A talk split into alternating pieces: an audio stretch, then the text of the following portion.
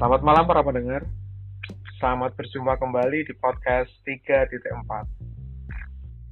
Kali ini saya bersama seorang narasumber yang uh, juga salah satu apoteker dan S2 hukum dan ini uh, memiliki spesialisasi khusus di bidang onkologi seperti itu. Nah, siapakah dia? Halo Non, selamat malam. Halo, selamat malam. Nah, namanya ini Noni Delila. Benar Non? Betul. Nah, bisa diceritakan atau perkenalan dulu lah Non, supaya para pendengar nanti lebih mengenal. Ya, uh, selamat malam pendengar semuanya. Uh, saya Noni Delila Uh, saya apoteker di bidang onkologi khususnya di salah satu uh, rumah sakit swasta di Surabaya. Uh, saya sudah kerja di bidang onkologi uh, kurang lebih tiga tahun. Udah. Hmm. Tiga uh, tahun ya. Uh, tiga tahun itu termasuk dari fresh graduate atau sebelumnya pernah kerja dulu nan?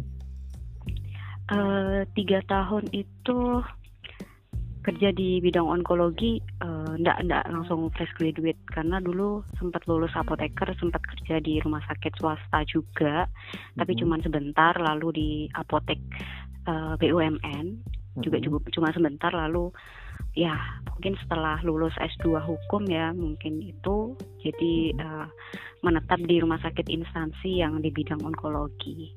Mm-hmm. Menarik nih karena nah. uh, dari S1 farmasi, lalu S1 profesi, lalu S2 hukum. Itu kan uh, uh, tidak, tidak satu linear seperti itu.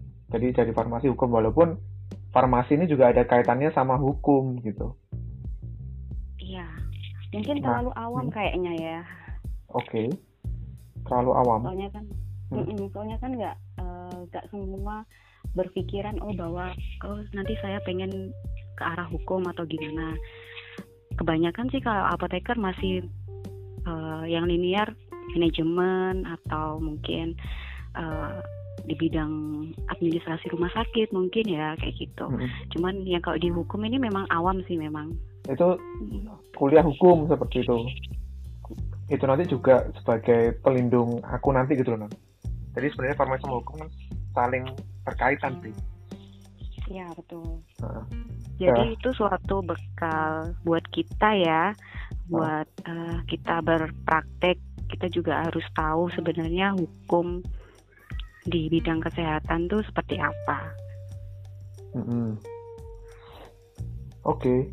Nah, waktu dulu kan sempat bekerja di salah satu rumah sakit swasta, lalu di apotek BUMN, hmm.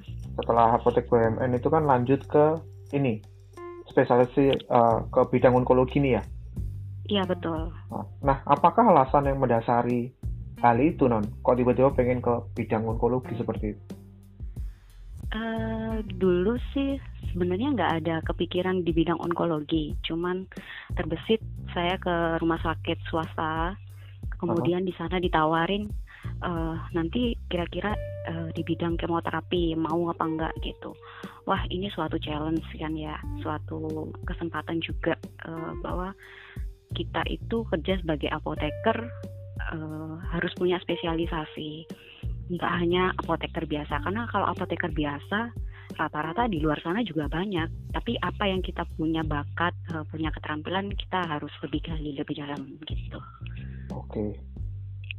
Nah, saat memilih itu kan mm-hmm. itu keputusan sendiri ataukah noni sharing-sharing dulu baca beberapa pustaka seperti itu gimana nih? Uh, dulu nggak sempat sharing-sharing sih ya. Hmm. Pokoknya ya ada rasa ketertarikan suatu klik gitu. Uh, ya sudah deh coba gitu.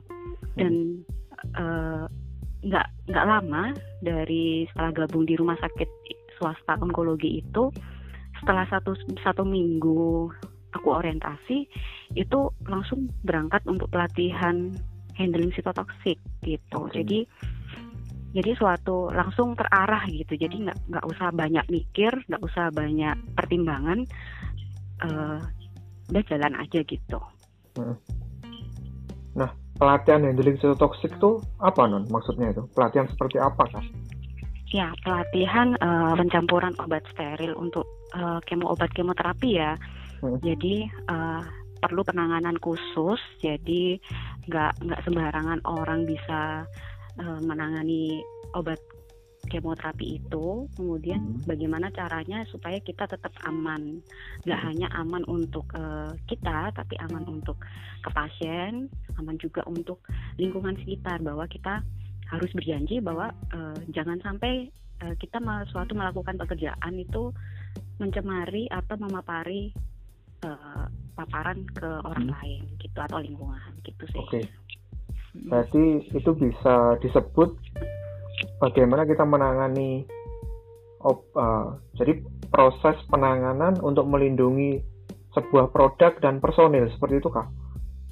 Iya, sebagai produk, personil sama environment. Oke. Okay. Yeah. Nah, uh, ruang lingkupnya itu seperti apakah? Jadi jika disebut uh, kemoterapi peran kamu di situ tuh dari mana sampai mana kah seperti itu?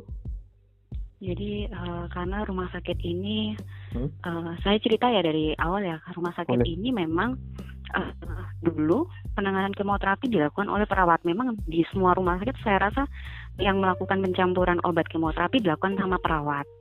Nah setelah uh, memang ada kebutuhan khusus bahwa uh, ini hanya apoteker karena apoteker mengirim uh, untuk obat-obat kemoterapi seperti apa hmm. sehingga di, dikerjakanlah oleh farmasi baru dikerjakan farmasi itu kurang lebih sekitar satu tahun nah setelah satu tahun uh, karena di rumah sakit swasta ini kita uh, ada namanya uh, kongsi lah dengan suatu perusahaan asing. Jadi hmm. kita untuk tersenter tersenter sendiri sehingga uh, mulai dari nol bangunnya. Jadi mulai mulai dari pembangunan layout uh, ruangannya, kemudian alatnya, kemudian apa yang perlu dipersiapkan kayak APD-nya, alat pelindung diri, kemudian uh, alat pencampurannya bagaimana gitu sih.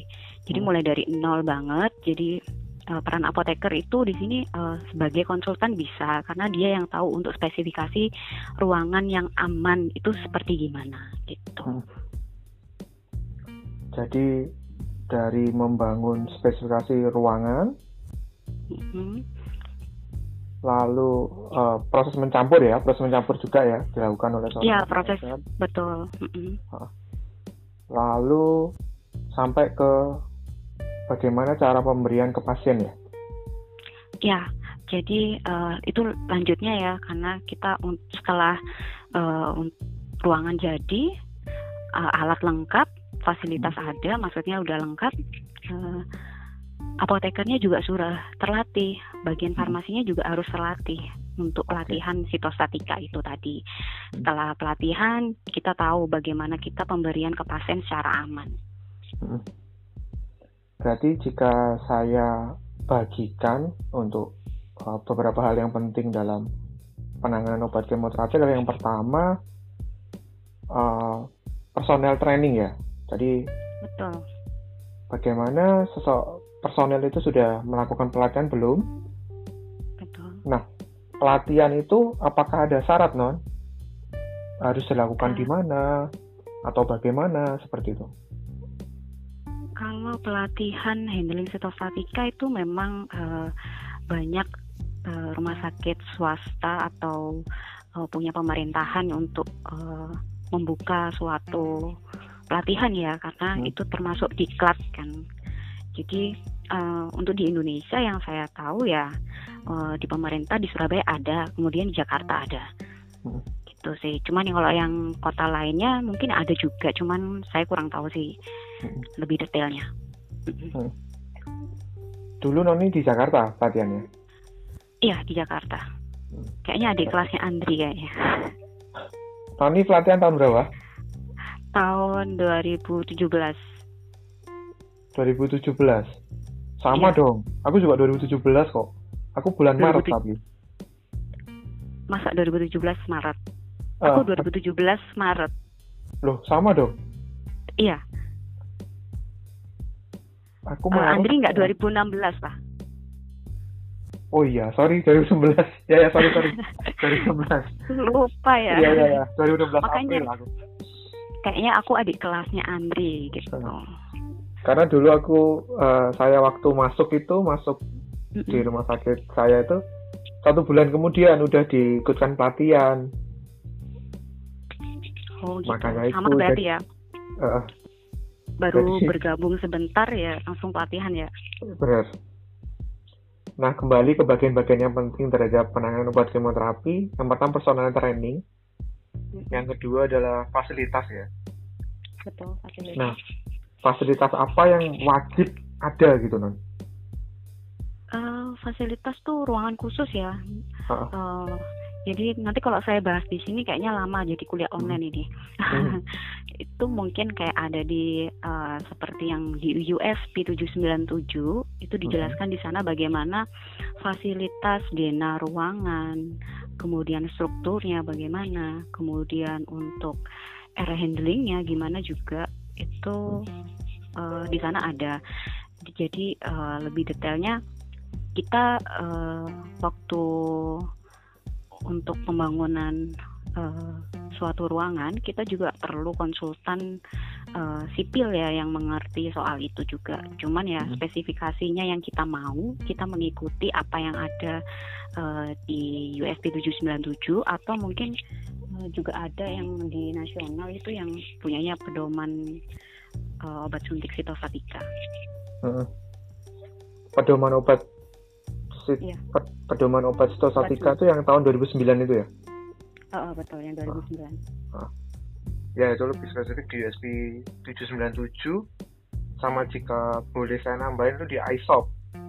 Ya di ISOPP. Nah, ISOPP. ISOPP itu juga ada di situ sih. Jadi nanti teman-teman yang penasaran mungkin bisa langsung browsing ya di USP ya. 797 pedoman penanganan obat sitostatika tahun 2009 punyanya Binfar ya? Iya, punya Binfar. Binfar sama di I, ISOP, ISOP PP. Itu juga tahun 2000. Mm Tahun itu 2009, 2009 SOPP-nya 2009 juga. Nah, 2009 kok belum ada update itu. Di sana lengkap eh, nggak hanya fasilitas ruangan, tapi juga tentang personal training, bagaimana pengolahan limbah, bagaimana ininya juga ada di sana mm -hmm. boleh Benar. Iya sih. Lalu tadi kan uh, fasilitas ya, mungkin ada hmm. beberapa alat ya yang biasa kita masukin setiap hari itu. hmm. Iya. Yaitu uh, namanya kan biosafety cabinet. Betul. Nah itu apakah ada minimalnya non biosafety cabinetnya yang kita pakai? Uh, minimal kelas 2B ya kayaknya hmm. untuk sitostatika gitu. Hmm untuk BSC ya. Oke. Okay. Nah. Atau kita bisa pakai hmm. isolator. Itu minimal BSC kelas tipe 2B atau hmm. pakai isolator. Cuman hmm. isolator lebih mahal kayaknya. Bener. Dan maintenance-nya tuh yang lebih susah sih, Non. Betul. Karena kalau sarung tangannya itu bolong, selesai sudah. Iya mahal sekali itu. Ya cuman uh, dari segi uh, ruangan mungkin untuk tata udara, isolator jauh lebih uh, maintenance untuk tata udaranya nggak terlalu banyak, nggak sedetail seperti kita pakai BST. Kalau pakai BST udah pasti kita harus mengkontrol juga untuk tata ruang uh, tata tata udaranya, sorry. Benar.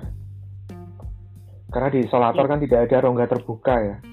Betul, karena oh. tertutup close hmm. system dia. Nah, nyambung di tata di tata udara ya. AHU ya berarti air handling unit ya. AHU ya ya AHU aku kok AHU mungkin orang Indonesia ya. AHU jadi iya. nah berarti kan ada HEPA filter benar ya? Betul ada HEPA filter nah untuk HEPA filternya apakah ada persyaratan khusus dalam suatu ruangan yang ada BSC-nya itu Iya pasti ada ruang khusus, uh, khusus untuk HEPA filternya itu uh, 0,99 mikrometer ya. Hmm. Itu untuk yang sitostatika tapi rata-rata memang HEPA filter sekarang uh, untuk ruang steril memang harus yang seperti itu juga nggak hanya untuk sitostatika sih hmm. untuk pencampuran obat injeksi antibiotik atau steril obat steril yang lainnya juga pakai HEPA filter yang ukuran segitu. Hmm. Jadi 99,9999 persen ya?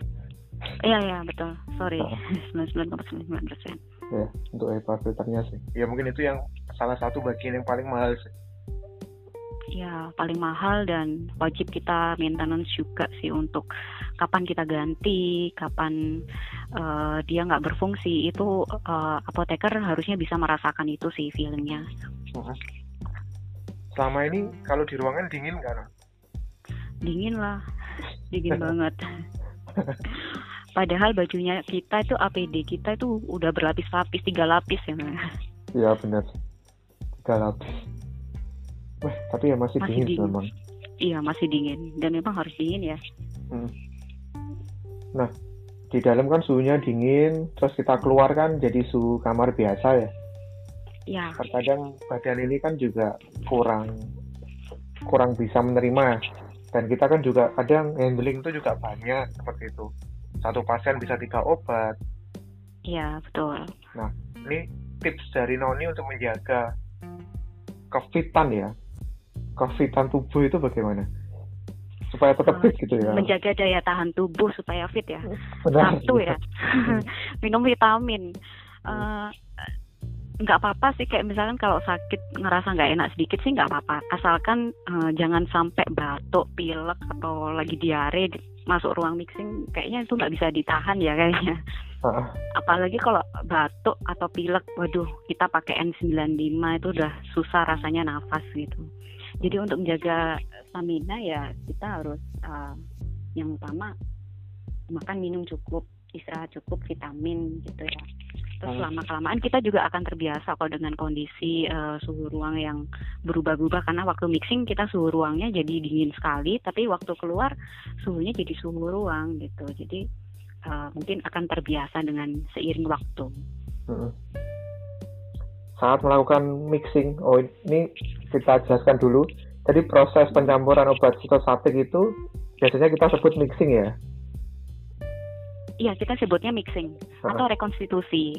Oke. Okay. Berarti kita kita pakai satu kata aja mixing supaya seragam nanti. Ah, iya, seragam. Karena di tempat saya itu kita nyebutnya eh, uh, ngoplos atau handling.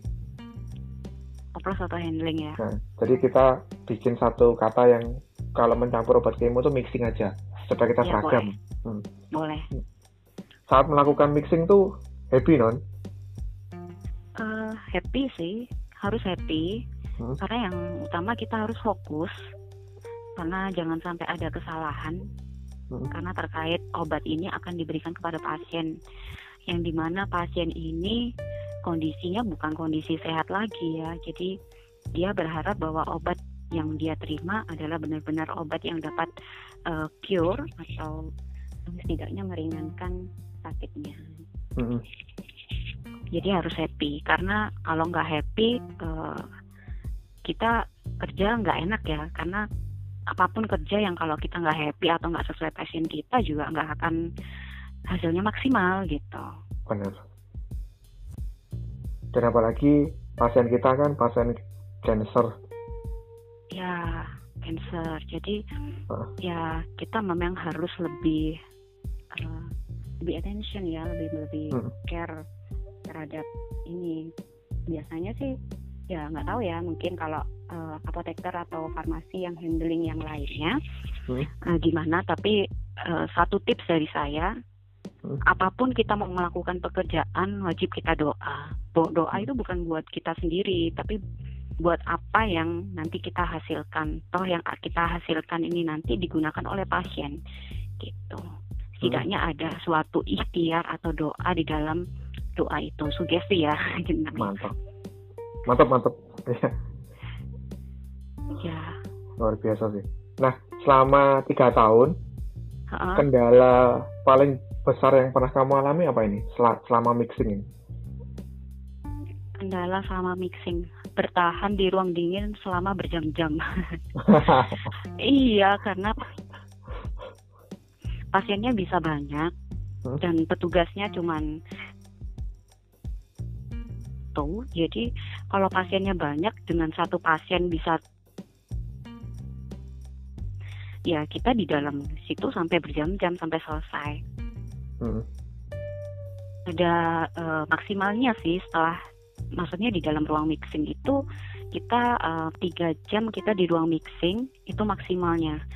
Setelah tiga jam kita boleh keluar karena kalau lebih dari tiga jam yang kita khawatirkan petugas itu hipoksia karena uh, pakai N95 ya gitu hmm. dan baju APD kita itu berlapis-lapis walaupun tergolong dingin cuman uh, kita juga gerak di dalam ruangan tersebut ya uh, stamina dari si petugas atau boleh rolling di rolling oleh petugas yang lainnya.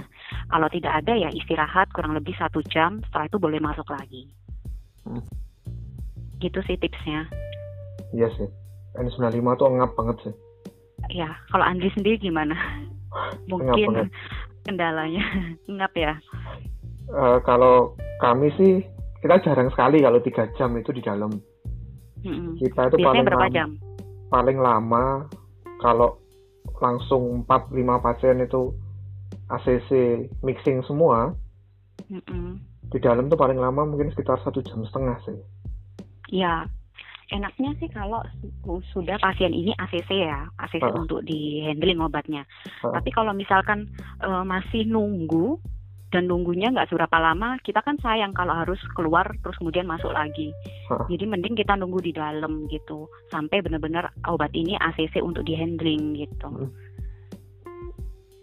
Ya itu sih kendalanya itu memang ya karena kondisi pasien nggak selalu uh, sesuai dengan dugaan kita sesuai maksudnya oh ya ini pasien udah langsung siap untuk kemoterapi bukan hmm. jadi mungkin ada suatu hal mungkin karena tensi tekanan darah pasien itu mendadak tinggi atau suhu tubuhnya pasien uh, agak tinggi jadi hmm. kita harus tunggu dulu sampai kondisinya itu normal hmm. baru boleh untuk uh, dilanjutkan pemberian obat kemoterapi benar dan juga uh, in, informasi saja ruangan kita itu terbagi tiga ya non ya jadi ya, yang ruang tiga. ruang persiapan itu ada pintunya mm-hmm. itu kita masuk ke ruang anteroom ruang antara antara masuk pintu lagi baru itu clean room namanya ya ruang ya. untuk pencampuran yang benar-benar hmm. pencampuran di sana di clean room. Tapi Benar. pada intinya memang tiga ruangan, tapi tergantung layout uh, tiap rumah sakit sih. Biasanya hmm. ada juga untuk uh, ada empat ruangan, mungkin satunya untuk ruang administrasi mungkin atau ruang ya. untuk uh, ganti pakaian gitu. Hmm. Mungkin ada beberapa layout tambahan, cuman yang intinya ya di itu tadi tiga, tiga hmm. ruangan. Ya itu sih, karena ada tiga ruangan itu kadang kalau tadi seperti Noni jelaskan kondisi pasien tekanan darahnya tinggi gula darahnya tinggi sehingga kita harus nunggu dan ternyata kita harus keluar dari clean room tadi itu kita harus lepas baju semua keluar terus ACC kita masuk lagi pakai baju lagi loh itu lebih iya. capek sih sebenarnya handlingnya itu sebentar cuman hmm. beberapa menit hmm. tapi yang pakai baju APD-nya itu yang lama sekali bisa iya. setengah jam lebih. Nah itu pakai APD doang. Nah itu sama-sama kayak wasting time sih buang waktu. Mending nunggu di dalam sampai selesai gitu. Hmm. iya sih. Soalnya kita juga nyiapin pelarut nyiapin iya betul. sepuit ya. Ya ya. Itu sih. Itu juga tugas kita gitu. Tapi seru sih seru ya. Walaupun kita sebenarnya kerja di dalam tuh sendirian kan ya. Nggak ada teman uh, ya kendalanya memang kerjanya tuh uh, tidak uh, tidak ada partner kan. Uh. soalnya di dalam ya kalau udah di clean room udah sendirian. Paling teman kita BSC hmm. pokoknya nggak ada hantu aja ya. Yang paling paling aku takutkan sih waktu kita mixing kan itu kan benar-benar uh. kejap ya kita oh, benar-benar kedap kita tidak dengar suara dari luar apa pun itu yang kutakutkan cuma satu kalau terjadi kebakaran atau apa gitu kita tuh tidak dengar iya kan? kita terjebak di dalam nah itu dia Iya, nauzubillah sih kalau itu ya. Semoga nggak terjadi. di mana pun berada. Benar, Amin. Itu sih salah satu kekhawatiranku yang terbesar tuh yaitu kalau pas kebakaran iya. nggak ya. kedengeran, waduh ini yang bahaya. Ya betul. Dan uh, harus dipastikan juga bahwa saat hmm. kita melakukan handling, kan memang kita ada di ruang clean room sendirian tuh di sana. Uh. Pastikan bahwa di luar ruangan itu ada orang. Hmm. Maksudnya di luar ruangan ini ya, di luar ruangan pencampuran ya hmm. itu harus ada orang jadi dan saat kedaruratan misalkan terjadi petugas handling ada merasa nggak enak badan atau mungkin uh, karena hipoksia ya karena mungkin bisa saja uh, hilang kesadaran lah sedikit hilang kesadaran itu bisa harus pencet bel emergency hmm. supaya uh, orang yang di luar tahu bahwa ada suatu kedaruratan di dalam gitu. Jadi hmm. kedaruratan untuk uh, di rumah sakit nggak hanya untuk pasien ya, tapi untuk petugas kesehatan yang lainnya juga gitu. Hmm. Jadi di clean room itu seperti ada tombol khusus kalau kita ya. pencet tuh ya. Hmm, betul. Nah. Oke, okay. menarik memang topik terkait handling toxic itu atau penanganan obat kemoterapi. Karena memang jarang yang uh, mau berfokus ke sana sih non karena ya, beberapa betul. kali sih beberapa kali yang saya interview untuk masuk ke uh, bergabung di rumah sakit saya itu salah satu kendalanya adalah untuk handling sel toxic itu karena mayoritas itu perempuan kayak gitu loh. Hmm. Nah, ya, menurut hmm, menurut Noni kalau untuk seorang perempuan itu amankah kalau melakukan handling sel toxic itu? aman selama dia nggak menyusui atau uh, sedang hamil ya atau merencanakan kehamilan gitu. Mm-hmm. Itu aja sih. Yang lainnya sih mau perempuan uh, misalkan uh, masih single dan belum ada rencana untuk uh, uh, menikah atau ke program kehamilan, dia masih boleh-boleh aja handling. Ataupun wanita yang dasarnya memang dia sudah menikah atau sudah punya dua anak dan tidak akan memiliki anak lagi, hmm. boleh handling. Sebenarnya aman-aman aja selama yaitu tadi uh, APD kita lengkap. Ruangannya kita harus sesuai sama spesifikasi, tata udaranya juga harus benar, uh, mesin yang kita pakai benar BSC bukan LAF ya gitu. Ya. Sebenarnya aman sih aman aja. Eh, nggak uh, ada yang ketakut nggak ada yang perlu ditakutkan. Toh untuk petugas handling itu juga ada uh, keselamatan kerja juga. Ada untuk uh, cek lab ya untuk rutin biasanya. Kayak hmm. gitu. Ada check up kesehatannya ya betul. Darah lengkap urin lengkap kreatinin pun fungsi liver bilirubin foto ya, torak seperti itu. Jadi benar-benar ada check upnya sih. Jadi saya ya, setuju jadi, dengan Noni. Jadi uh, benar-benar kita pastikan mungkin sebelum uh, sebelum dia terjun untuk handling, dia harus cek lab dulu. Pastilah hmm. kita waktu masuk di rumah sakit atau waktu bekerja di tempat mana pun ada yang namanya suatu uh, cek ya cek urus awal bagaimana terus kemudian nanti satu tahun ke depan atau enam bulan ke depan tergantung instansi itu uh, kebijakannya gimana itu dicek lagi dibandingkan dengan yang awal jadi awal itu kayak uh, ini ya kontrol negatifnya hmm. gitu jadi dicek untuk uh, fungsi liver hati darah lengkap. Apakah waktu kita waktu melakukan handling kita ada suatu abnormal dalam tubuh kita? Itu bisa dilihat dari sana. Gitu. jadi before after ya? Iya before after. Yes saya setuju banget sih. Tadi uh, Noni menyinggung sedikit dengan itu benar BSC bukan LAF seperti itu alatnya. Nah, uh, bedanya kedua alat ini apa non? Uh, sebenarnya untuk bedanya, kalau LAF itu untuk pencampuran obat injeksi yang uh, istilahnya yang tidak memiliki suatu paparan terlalu serius seperti sitostatika ya misalkan antibiotik atau uh, cairan itu hmm. mungkin bisa pakai LAF tapi kalau memang harus sitostatika atau obat kemoterapi itu memang harus pakai BSC mungkin uh, karena uh, bukan mungkin karena udara aliran yang udara yang disemprotkan sama BSC yang dialirkan itu berbeda kalau misalkan BSC itu horizontal Tapi kalau LAF vertikal. Nah, kenapa kita nggak boleh pakai LAF? Uh, pada saat kita handling uh, udara sitostatika itu kan ada di dalam ruangan itu ya. Hmm. Nah, kalau kita pakai LAF dan udaranya vertikal, udara sitostatika akan mengenai petugas. Itu nggak safety. Jadi kita harus pakai yang horizontal. Makanya pakainya yang. Hmm. Ya mungkin bisa nanti oh. dilihat gambar-gambarnya lebih jelas uh, di Google ya banyak kok hmm. gitu. Sekalian aja nambahin dari pendap hmm. uh, dari uh, pendapatnya Noni tadi. Uh, PSC sama LAF yang juga membedakan adalah tekanannya. LAF itu lebih positif, tapi PSC lebih negatif seperti itu. Sehingga PSC ini jika ada uh, obat kemo itu kan mudah menguap. Dia tuh ditarik nanti masuk ke dalam hepanya masuk ke dalam seperti itu sih jadi ya.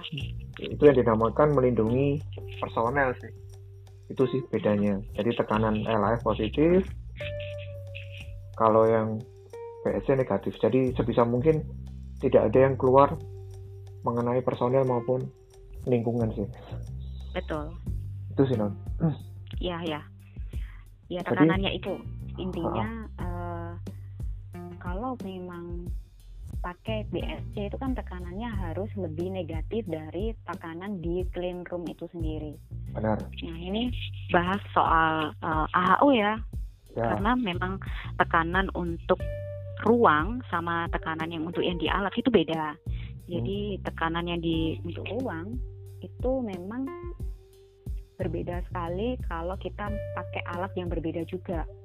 Hmm. Kalau alat kita BSC jadi tekanan yang dipakai pun tekanan ruang itu juga harus negatif hmm. sedangkan kalau misalkan pakai isolator uh, itu hmm. tekanan negatif juga tapi tidak serumit yang kita pakai BSEC jadi kalau misalkan pakai isolator saya rasa cuman uh, ruang pencampuran aja tipe D. Nggak perlu untuk ada uh, ruang antara atau apa yang nggak perlu. Hmm. karena sudah pasti close system dia. Ya. Siap. Nah. Mungkin Andri ada tambahan mungkin ya karena sebenarnya saya awam juga untuk isolator sih. Belum pernah pakai sih. Ya, isolator tuh mahal. Saya juga jarang sih baca-baca kalau untuk yang jarang-jarang dipakai kayak gitu cuma ya. nice to aja mm-hmm. lalu uh, aku kan sudah sudah empat tahun Noni udah tiga tahun mencampur obat udah melakukan mixing seperti itu Nah, hmm. kalau saya pribadi sih tidak akan melakukan itu lebih dari eh, tujuh tujuh tahun sampai 10 tahun lah. Jadi udah itu mentok. Saya tidak mau melakukan mixing lagi kalau uh, melewati batas waktu itu. Karena hmm. kita tahu dampaknya kan obat-obatan kemo itu kan karsinogenik, teratogenik, mutagenik dan terkait ya. fertilitas ya. Ya. Itu sih yang saya khawatirkan gitu loh. Jadi saya tidak mau sering-sering di di ruang handling ya, ruang mixing ya. ya. Uh, hmm. Jadi, jadi biasanya, uh, jadi biasanya uh, setiap rumah sakit pasti rolling lah petugasnya. Hmm. Nah, Noni apakah akan planning ya, planning ke depan apakah seumur hidup akan melakukan mixing atau gimana nanti ke depannya?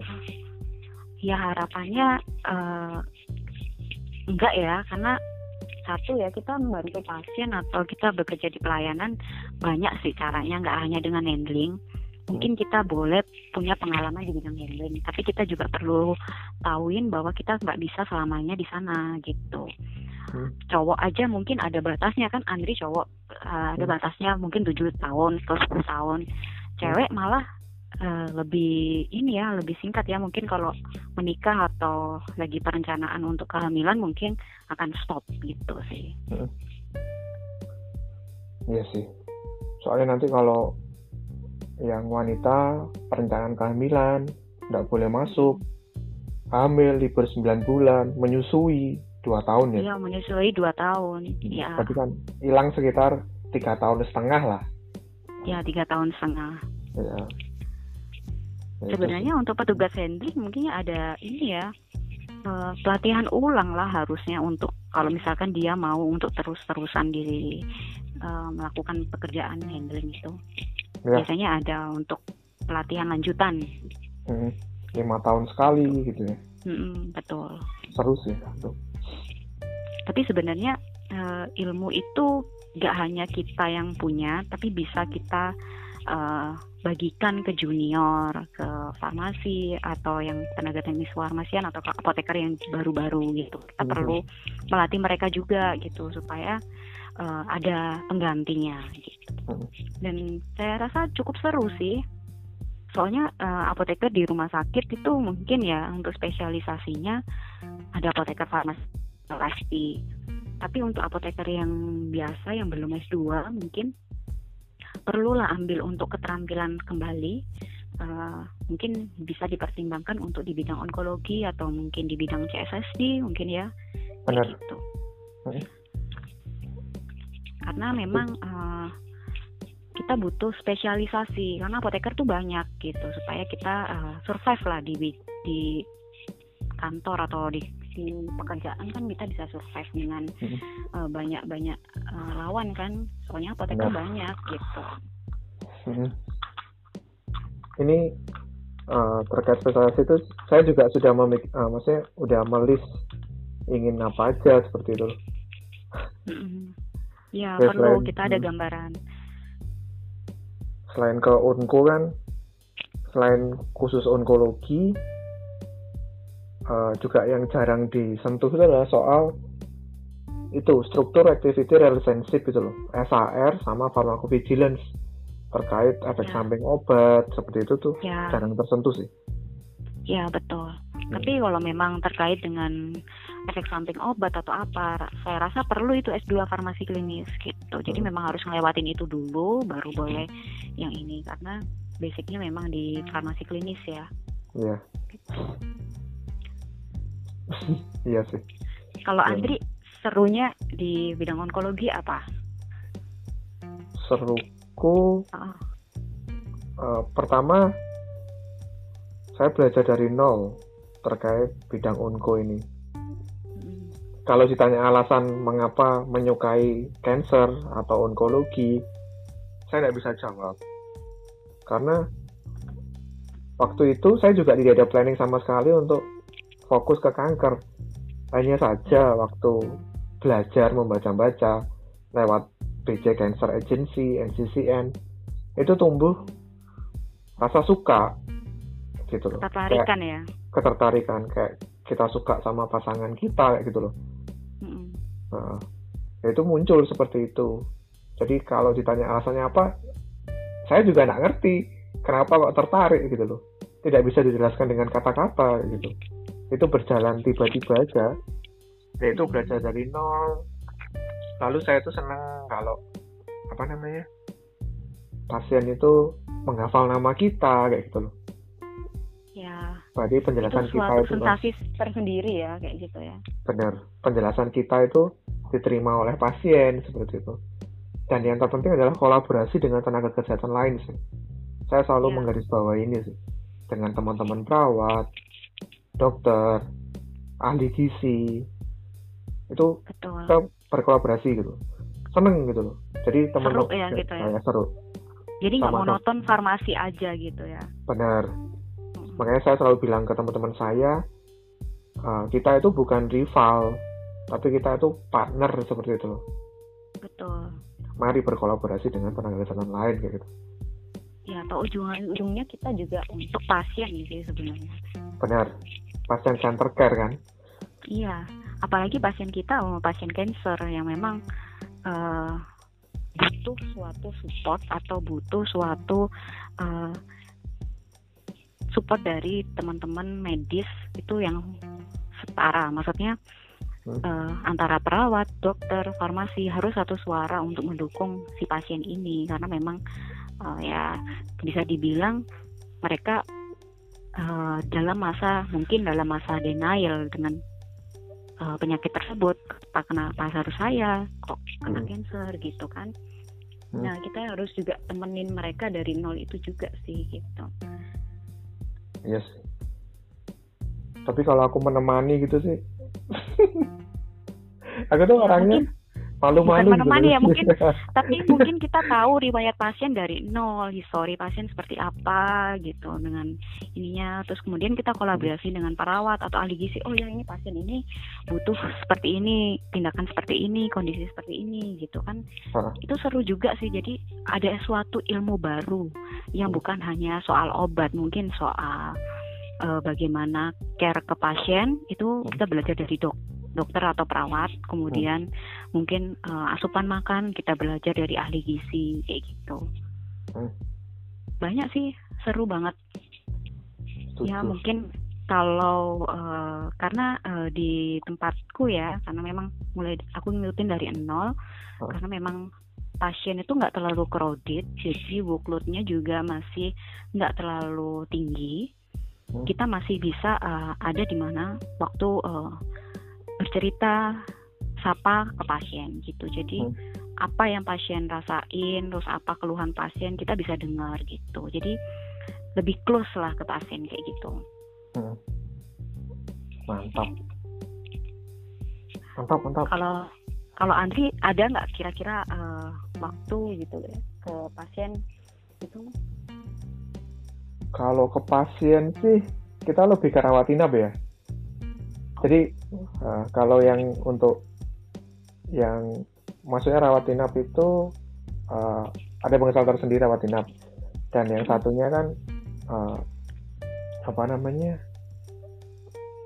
rawat inap sebentar terus pulang kan? Uh, yeah. one day care jadi ya, mungkin cuma beberapa jam ya terus pulang uh -uh.